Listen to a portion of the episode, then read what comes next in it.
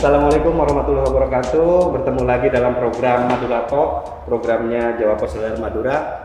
Kali ini kita kedatangan narasumber yang luar biasa, lebih dari biasanya karena jumlahnya lebih banyak. Yang pertama ada Komandan Distrik Militer 0827 Sumeneb, Bapak Letkol Infanteri atau Subiatna. Selamat siang, Pak Ato. Selamat siang, Ferry. Juga sudah hadir di depan kami ada Bapak Ketua Pengadilan Negeri Sumeneb, Pak Ahmad Bukhari ya Pak. Selamat siang Pak Ahmad Bukhari. Selamat pagi. Masih pagi. Selalu semangat pagi. Dan juga di sini ada yang istimewa. Saya harus ditenam- ditemani oleh direktur saya sendiri, Direktur Jawa Pos Dharma Madura, Bapak Abdul Aziz. Selamat siang Pak Abdul Aziz. Selamat siang. Sebenarnya kami kalau di kantor memanggil beliau adalah Pak Bos. Karena itu sudah tradisi Pak. Oke, tema kali ini berbicara tentang banyak hal di Madura termasuk media massa. Kebetulan Radar Madura akan memasuki usia ke-21, usia yang sangat matang. Tapi ini harus hati-hati Pak, karena Malcolm X pernah bilang media massa memiliki kekuatan luar biasa. Dia bisa membuat orang yang bersalah seakan-akan benar dan sebaliknya, orang yang benar seakan-akan salah. Kita lihat bagaimana pandangan bapak-bapak narasumber di sini mengenai media media massa yang ada di Madura khususnya Sumeneb. Bapak Ahmad Buhori ini sudah beberapa kali menjadi humas di pengadilan negeri ya Pak ya. Ini berarti komunikasi dengan wartawan cukup banyak, baca-baca media massa juga cukup sering, artinya mumpuni untuk ditanya tentang itu. Begitupun dengan Pak Ato. Komandan ini hari ini beliau adalah aktif di gugus tugas COVID-19 yang mau tidak mau bertemu dengan masyarakat, bertemu langsung dengan wartawan, berbicara tentang COVID.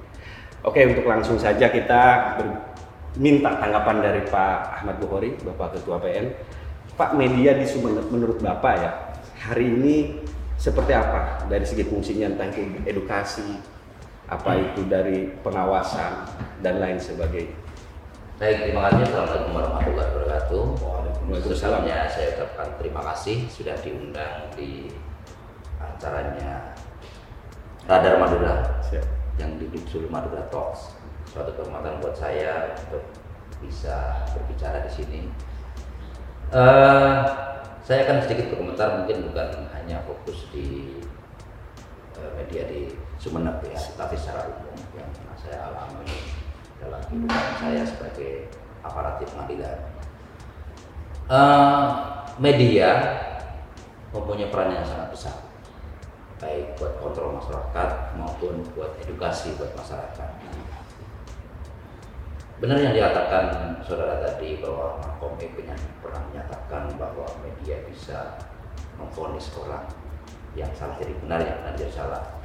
Insya Allah bagi kami itu tantangan, justru kami yang akan meluruskan pernyataan itu.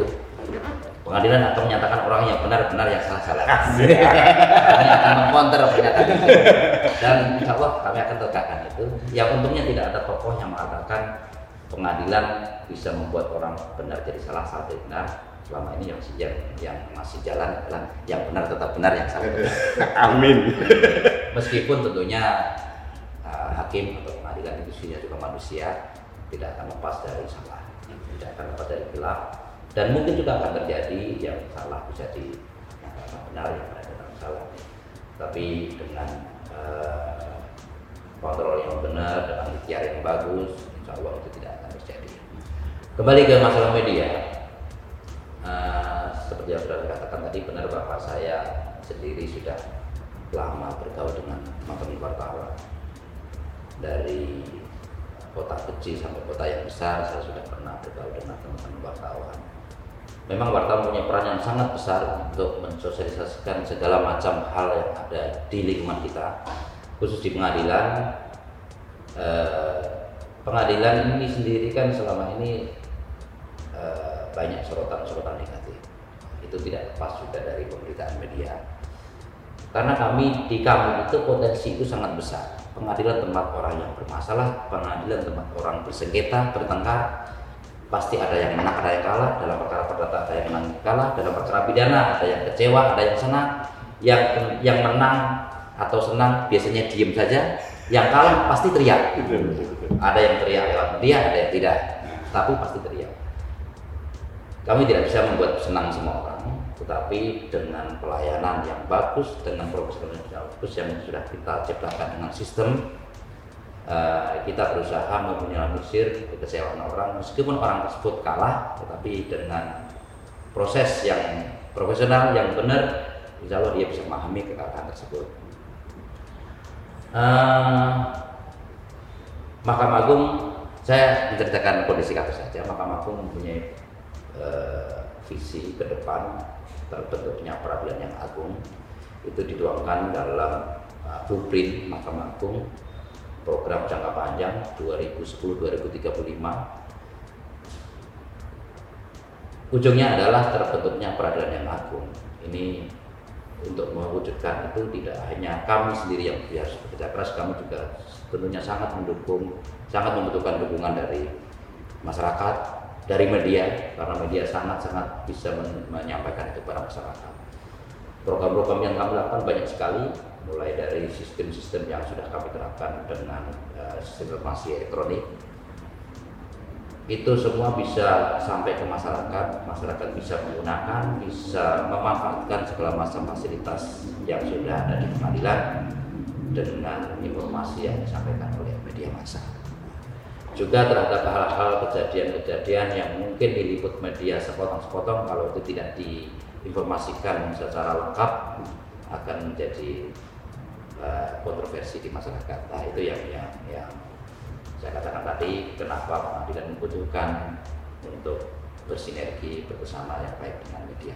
Oh, tadi kan Bapak bilang bahwa kalau menang diam, kalau kalah kecewa teriak-teriak, Hmm, ya. teriaknya di media, Ya, gitu kan ya. ya. Satu contoh lah tuntutannya nggak sesuai gitu, terlalu ringan kasus kemarin di nasional itu Pak.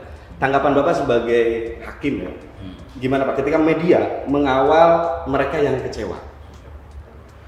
Eh, saya mungkin tidak akan mengambil contoh itu karena itu masih tuntutan ya, tuntutan domennya kejaksaan, ya. belum putusan. Oke, andai terjadi Ya. ada punis, Paham, paham saya paham. Jadi, jadi begini, eh, hal-hal semacam itu harus dimulai dilakukan di awal. Dari mulai awal proses harus mulai diperlihatkan keprofesional keprofesionalan semua tindakan. Dari mulai tahap awal kalau kita lakukan bertahap dengan benar sesuai dengan hukum acara, semuanya terbuka. Endingnya meskipun mungkin kecewa, tapi semua kalau dimulai dengan proses yang benar, tidak ada indikasi-indikasi negatif di dalamnya, ya pasti semua akan selesai dengan baik. Kemudian untuk me- yang saudara tanyakan tadi untuk me- apa namanya mengawal apa media mengawal mereka yang merasa kurang Ya. mendapatkan keadilan. kita mem- me- me- memberikan pengertian kepada mereka bagaimana bahwa proses seperti ini faktanya seperti ini jadi kalau media memberitakan dengan detail hal-hal yang terjadi kemudian eh, endingnya apa pasti akan akan tersosialisasi dengan baik langkah-langkah terus terus sudah dilakukan. Untuk eh, pihak-pihak yang mungkin kecewa kami memang tidak dalam kapasitas untuk memberikan hiburan kepada mereka. Tetapi ya itu tadi kami memberikan eh, layanan yang terbaik segala macam proses yang sudah dilakukan dilakukan dengan profesional dengan tidak ada intrik-intrik yang negatif ya kecurigaan-kecurigaan yang negatif diminimalisir arah ke sana pasti ada kalau orang kecewa itu biasa tapi kecewa dengan memahami itu yang luar biasa Oke. Nanti kita akan lanjut lagi dengan Bapak Ketua PN. Se- Kita akan geser dulu sedikit ngobrol dengan Komandan. Komandan, eh, Komandan kan cukup lama ya Sumeneb ya. Cukup lama ber- berhubungan berinteraksi dengan wartawan di Sumeneb atau dari produk beritanya yang mereka buat. Pak Komandan mungkin bisa memberikan tanggapan sampai hari ini seperti apa sih sumbangsih media terhadap pembangunan kabupaten khususnya ter- terhadap edukasi COVID, Pak. Ya. Baik, terima kasih. Jadi mungkin bahasan saya saya awali dari sebuah ungkapan. Allah Maha tahu, tapi masyarakat tidak selalu tahu. Itulah diperlukan media Oke, betul. Nah, untuk menyebarkan berita, menyebarkan informasi. Kita melihat dari kata media dalam istilah dalam bahasa media itu kan alat. sarana. Kalau dalam ilmu komunikasi itu kan antara dua pihak, nah, alatnya itu media. Dalam hal ini tadi kalau ditanyakan terkait saya sebagai bagian dari gugus tugas COVID penanganan COVID-19 di Kabupaten Sumeneb, media itu justru menurut saya menjadi salah satu bagian yang sangat penting bagaimana informasi keberadaan wabah baik dari sisi informasi data berapa banyak yang terkonfirmasi dan sebagainya termasuk terkait dengan bagaimana mengedukasi mensosialisasikan apa tindakan kegiatan dan berbagai macam informasi yang terkait dengan itu medialah yang seharusnya lebih bisa membantu penyelesaian. Karena gini contoh sampai saat ini Kabupaten Sumeneb kalau saya bilang masih dibilang masih jauh untuk bisa bukan bersih lagi istilah untuk menurunkan uh, apa penyebaran. Karena sampai saat ini saya menilai masyarakat di Kabupaten Sumeneb ini mohon maaf secara jujur saya bilang masih sangat rendah kesadaran. Dan itu dibutuhkan dorongan dari media untuk lebih meningkatkan kesadaran masyarakat itu melalui ekspos berita informasi bahkan itu tadi sosialisasi dan edukasi. Karena kalau sekarang masyarakat sulit istilah dengan sekarang kecanggihan teknologi apa media sosial itu justru malah lebih efektif. Masyarakat akan lebih banyak melihat berita di gadgetnya dibandingkan di media cetak atau elektronik. Nah harapan kami di Kabupaten Sumeneb ini ya untuk lebih meningkatkan partisipasi masyarakat dalam rangka pencegahan ini harapannya media bisa lebih uh, tampil membantu penyelesaian. Kalau boleh dinilai dari 1 sampai 10 media di Sumeneb ini dalam fungsi tersebut yang diharapkan baru sampai nilai berapa Pak? Kok saya bilang masih di bawah lima lah. Oh berarti masih, masih minim ya Pak? Masih sangat rendah. Mohon maaf saya saya katakan demikian karena fasilitas uh, pemerintah daerah sekalipun saat ini masih sangat kurang itu loh untuk memberitakan. Memang dari gugus tugas ada istilahnya setiap hari ada update termasuk ada apa pers komplain penyampaian dari gugus tugas. Tapi itu kan istilahnya bagi masyarakat tertentu saja. Dan rata-rata hanya di wilayah perkotaan gitu. tapi untuk masuk ke wilayah pedesaan dan sebagainya saya rasa masih sangat kurang. Karena kenapa saya bilang begitu? Tolok ukurnya atau istilahnya eh, ya tolok ukurnya sampai saat ini saya dalam waktu dua minggu ini hampir setiap hari saya menyempatkan untuk berkeliling ke wilayah karena sekaligus juga dalam rangka pengawasan pekerjaan atau tugas yang sedang kita kerjakan. Saya melihat masyarakat ini semakin ke sini di mana notabene peningkatan wabah ini di kabupaten semakin meningkat tapi kesadaran masyarakatnya bukan semakin baik penggunaan masker salah satu contoh pada awal-awal kita gencar dengan Porpinda sampai turun ke daerah-daerah ke pasar tapi saat ini terakhir kemarin kembali lagi. Istilahnya malah tidak ada peningkatan itu. Malah semakin berkurang. Itu yang sangat kita sayangkan. Oke Pak Dandim kan eh, kalau saya boleh sampaikan hari ini situasi menurut kami dari kalangan media masyarakat ketika tidak berkerumun itu ya. lebih takut karena dibubarkan ya. masyarakat menggunakan masker itu lebih takut karena tidak dilayani ketika hmm. masuk ke pelayanan ya. publik ya. ya. Bukan karena ingin uh, menghindari atau menjaga diri dari virus. Artinya kesadaran sangat minim. Tapi saya mau nanya, ada masalah apa sih di gugus tugas kok tidak bisa mengedukasi? Sebetulnya bukan masalah tidak mengedukasi atau tidak sosialisasi. Saya yakini bahwa pemerintah daerah ini sudah menyiapkan segala sesuatu baik dari sisi anggaran saya yakin sudah teman-teman media tahulah berapa alokasi anggaran yang disiapkan pemerintah daerah. Kemudian apa yang dikerjakan apa yang dilakukan. Hanya masalahnya kembali lagi kurangnya kesadaran masyarakat salah satu sisi. Yang kedua masih kurang apa ya kurang masif lah pemberitaan itu. Edukasi sosialisasi masih kurang istilahnya masih kurang masif peran media yang kurang? Ah, salah satunya peran media lima ke bawah so, nilainya. Salah satunya menurut saya. Karena media kembali lagi saya sampaikan bukan hanya teman-teman daerah dar kan? Betul. segala macam lah termasuk medsos sekalipun itu kan salah satu media sekarang. Ya mungkin pemerintah daerah melalui kominfo sudah membuat apa pemberitaan. Tapi kenyataannya di lapangan ini saya melihat di lapangan gitu. Kondisi sekarang ini sangat masih kurang menurut saya. Di- dilihat dari indikator-indikator yang harus kita eh, apa namanya kita nilai masih kurang. Dan ini perlu kita menjadi perhatian perlu kita tingkatkan.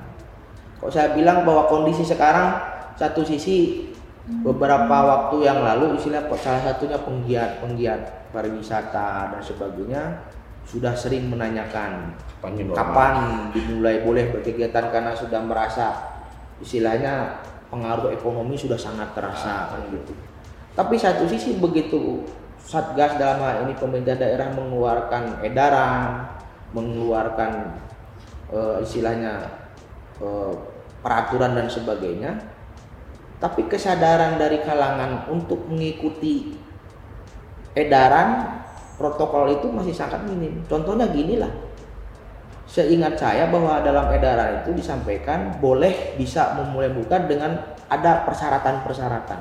Salah satu contohnya mengajukan permohonan untuk eh, apa namanya untuk mengajukan permohonan untuk bisa membuka tempat atau TKP atau daerah itu daerah pariwisata atau apa pun macamnya dengan ketentuan persyaratan terukur kapasitas pengunjung dan diharapkan 50% dibatasi dan sebagainya. Yang paling ini ada mengajukan izin aja. Sudah ada. Tapi sampai sekarang terakhir itu kemarin hari Kamis yang lalu tidak ada para penggiat itu yang mengajukan secara langsung. Tapi dengan adanya edaran itu mereka sudah langsung merasa oh ini sudah boleh. Akhirnya hanya memperlihatkan bahwa lokasinya tempatnya sudah sesuai Syarat, ya. protokol. Tapi tidak mengajukan izin dulu. Dan harapan kami bahwa kalau memang mereka sudah siap sudah mau mengikuti protokol kesehatan kembali lagi. Peraturannya itu istilahnya edaran itu diikuti ditaati. Kenyataannya belum ada. Kemarin ada tujuh item ada tujuh tempat. Itu pun berdasarkan istilahnya eh, apa pendataan yang dilakukan oleh dinas yang turun karena melihat pemberitaan bahwa mereka sudah menerima eh, konsumen sudah didatangi masyarakat baru didatangi. Tapi kesadaran untuk mengikuti peraturan dengan mengajukan itu sampai sekarang belum ada satupun boleh saya tambahkan? Silahkan. Ya, di sinilah yang saya bilang tadi peran media penting. Jadi mungkin tim gugus sudah melaksanakan semua tahapan-tahapan, mencoba untuk menginformasikan segala macam protokol kesehatan pada masyarakat. Tapi jangkauan mereka tidak akan seluas tanpa dibantu media. iya Ya, jadi harapan kami media juga punya tanggung jawab moral untuk mengedukasi masyarakat. Karena ini ini ini problem kita bersama, bukan problem pemerintah daerah, aparat keamanan, TNI Polri, bukan, tapi problem kita bersama. Eh, Hal-hal atau kebijakan-kebijakan yang tidak bisa tersampaikan secara luas oleh tim gugus, ya sebenarnya media membantu mensosialisasikan itu, membantu masyarakat, mengedukasi masyarakat untuk selalu menerapkan protokol-protokol yang memang sudah sudah ditetapkan gitu. Karena seperti ini tidak akan selesai tanpa kita disiplin diri dalam menerapkan standar-standar yang telah ditentukan. Di sinilah peran media. Tanpa mungkin harus kami ngomong ke media atau apa ke mana ngomong ke media, media sendiri sudah berinisiatif. Jadi bukan hanya mengejar rating atau segala macam, tetapi ada kewajiban moral yang harus di eh, dilakukan oleh media. Oke, kewajiban moral yang hak- menjadi beban media, terutama media terbesar di Madura. Yaitu Satu-satunya media lokal yang terverifikasi secara faktual oleh Dewan Pers. Dan jangkauannya betul Pak, luas, karena kita sampai ke desa-desa. Nah ini moralnya mungkin bebannya lebih tinggi Pak. Langsung aja tanggapannya. Pak Asis gimana tanggapannya? Iya, iya, iya. ya, Langsung ke makasih. arah sana ya.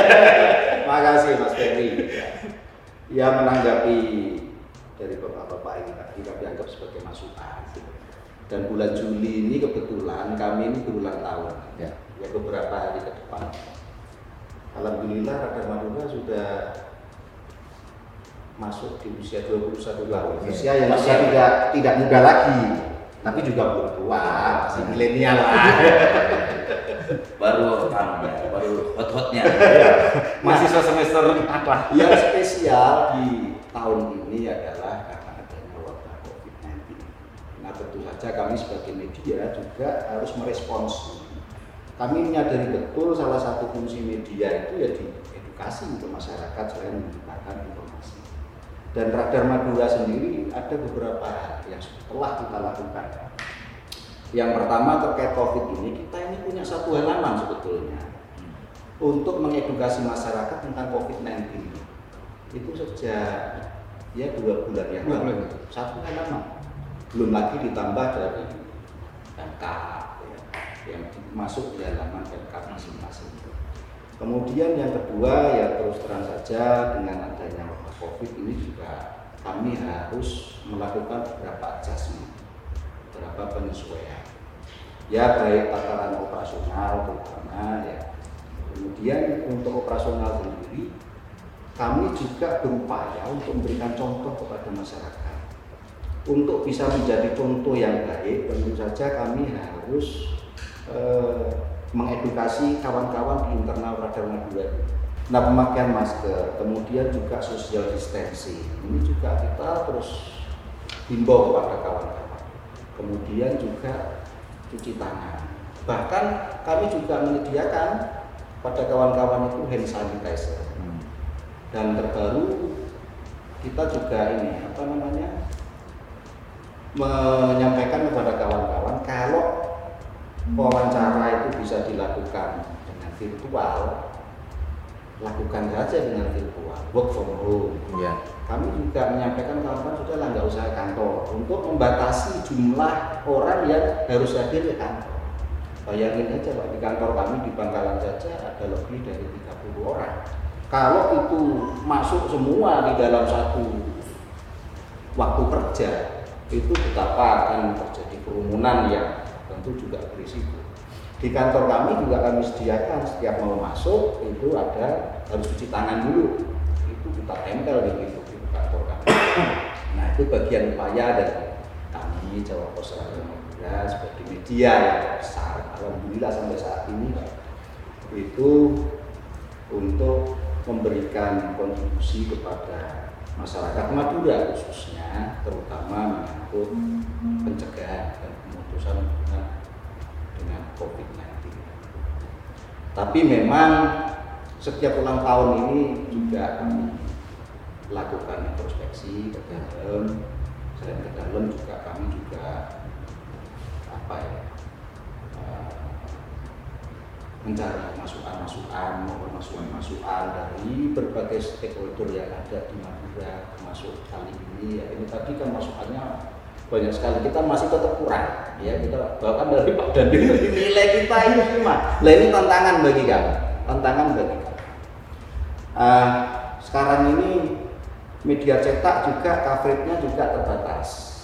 Pembacanya juga terbatas. Segmennya taruhlah misalnya kue itu 100 itu dari media cetak.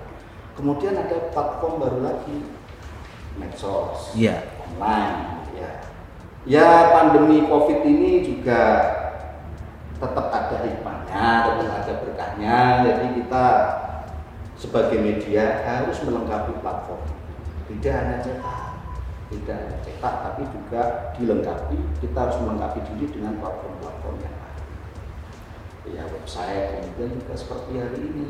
Ini kan platform digital ini sangat mudah sekali Ya. untuk di share ke masyarakat lain-lain sehingga akan semakin banyak masyarakat yang menerima informasi positif dari media dari Jawa Pos ada Madura.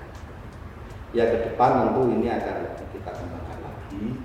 Terima kasih Bapak masukannya ini tadi ya ini sebagai pemicu bagi kami lah untuk lebih baik lagi dalam mengawal setiap kegiatan yang ada di Madura khususnya di Sungai sosialisasi edukasi ke masyarakat itu nanti harus kita kita bikin lebih baik lagi lebih masif lagi supaya semakin banyak warga masyarakat yang terpapar oleh informasi kita tidak Ya. terpapar oleh virus ya, Betul. Siap, terima kasih. Jadi memang ada produk ya Pak di kita tuh display ya agak besar di sana tentang cuci tangan. Jadi informasi untuk masyarakat edukasi. Tapi ternyata lebih dari itu Pak Direktur juga menjadikan wartawan maupun karyawan lainnya di Radar Madura sebagai pelopor eh, protokol kesehatan di mana mereka membawa hand sanitizer, pakai masker ketika berhadapan dengan orang itu bagian dari edukasi juga. Terima kasih Pak Direktur. Kembali ke masalah ulang tahun radar nih Pak. Mungkin Bapak saya ke kapain dulu ya Pak. Kesan dan pesan untuk radar Madura di usianya yang ini bukan remaja lagi Pak kayaknya. Dan mungkin Bapak lebih punya punya gambaran yang lebih pas itu, analogi yang lebih pas dengan usia tersebut Pak. Ya, baik, terima kasih. Eh, saya tidak tahu lebih jauh lebih dalam tentang radar Madura, tetapi yang saya tahu radar Madura adalah bagian dari Jawa Pos. Saya dulu pembaca Jawa Pos juga, zaman belum ada radar-radaran. Ya. Kemudian untuk mengcover informasi-informasi di daerah terbentuklah radar, bagian dari Jawa Pos. Ya, ya. Ada semacam eh, tambahan halaman tambahan radar, misalnya radar Semarang dan berikutnya. Dari itulah kemudian mungkin yang terbentuk radar Madura. Karena radar Madura bagian dari Jawa Pos, saya yakin juga eh, konsep yang dibikin oleh radar Madura juga sama lah dengan Jawa. Selalu ada yang baru. Jawa Pos adalah media yang cukup besar, sangat besar, meskipun tumbuh berkembang dan berdasar di daerah, tetapi secara nasional juga cukup disegani. Eh, ke depan mudah-mudahan radar mempertahankan itu, eh, tetap menjaga integritasnya, menjaga kemandiriannya, menjaga performanya, dan semakin berkembang menjadi lebih baik lagi. Memang budaya kita akan selalu berubah, akan lebih ngepop, tetapi konten atau isinya tetap minta dipertahankan. Jangan terbawa dengan tuntutan uh, konsumen yang ya memenuhi permintaan konsumen yang lebih ke arah ngepop tapi terlalu ngepop juga. Saya lihat kadar ada unsur-unsur ngepopnya, tapi kontennya masih ada. Orang masih percaya dengan isi yang di radar Madura karena uh, mungkin juga dari kinerja dan integritas wartawannya yang masih terjaga. Jadi orang masih percaya pada kontennya, tapi tetap juga menyeimbangkan dengan kebutuhan masyarakat, menyeimbangkan dengan tuntutan konsumen yang pengen membaca koran atau media apa pun dengan santai, dengan enjoy dan enak tanpa beban, tapi isi masuk. Ada pesan-pesan yang disampaikan di dalamnya yang bisa masuk. Itulah PR Radar Madura. Ya. Terima kasih Pak Ketua PN. Dari Pak Dandi mungkin langsung. Baik, untuk saya pribadi satu-satunya koran yang masih sekarangnya di kantor tiap hari hanya Radar Madura. Baca yang kita lihat betul justru selama dinas di sini istilahnya media cetak yang ada yang saya lihat itu hanya itu. Jadi tadi disampaikan bahwa saat ini mungkin di Madura khususnya terbesar ya saya akui. Tapi justru dengan kebesaran radar Madura yang saat ini masih terjaga dan mudah-mudahan ke depan masih bisa lebih ditingkatkan dengan inovasi tadi istilahnya merambah ke platform yang lain. Kami berharap tidak hanya sekedar informasi yang diterima oleh masyarakat, justru kembali lagi mari kita bantu pemerintah. Ini kan hanya bukan hanya di Sumeneb bukan hanya di Madura. Ya. dari sejak zaman dulu media itu sangat menentukan bahkan dalam hal perang sekalipun antar negara. siapa yang menguasai media dipastikan dialah yang akan memenangkan perperangan karena kalau zaman dulu istilahnya media itu dipergunakan sebagai itu tadi alat propaganda untuk mempengaruhi masyarakat bahkan menyerang negara musuh. Kalau sekarang ini konteksnya bisa bergeser justru berawal dari pemberitaan media itulah situasi politik, situasi masyarakat di daerah bisa terbentuk akibat pemberitaan dari media. Bahkan bisa merubah kebijakan suatu kebijakan itu pengaruh dari opini yang dibentuk oleh media. Harapan kami dalam rangka bagi kembali lagi dalam rangka untuk penanggulangan wabah yang saat ini sedang kita hadapi.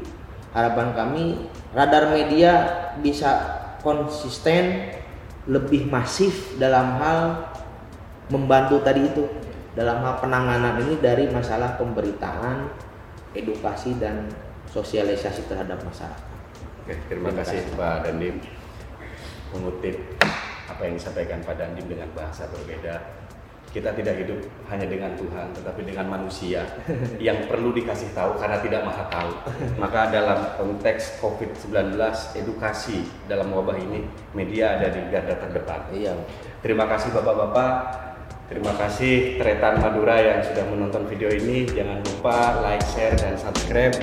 Jika bermanfaat, bagikan sebanyak-banyaknya. Terima kasih. Assalamualaikum warahmatullahi wabarakatuh.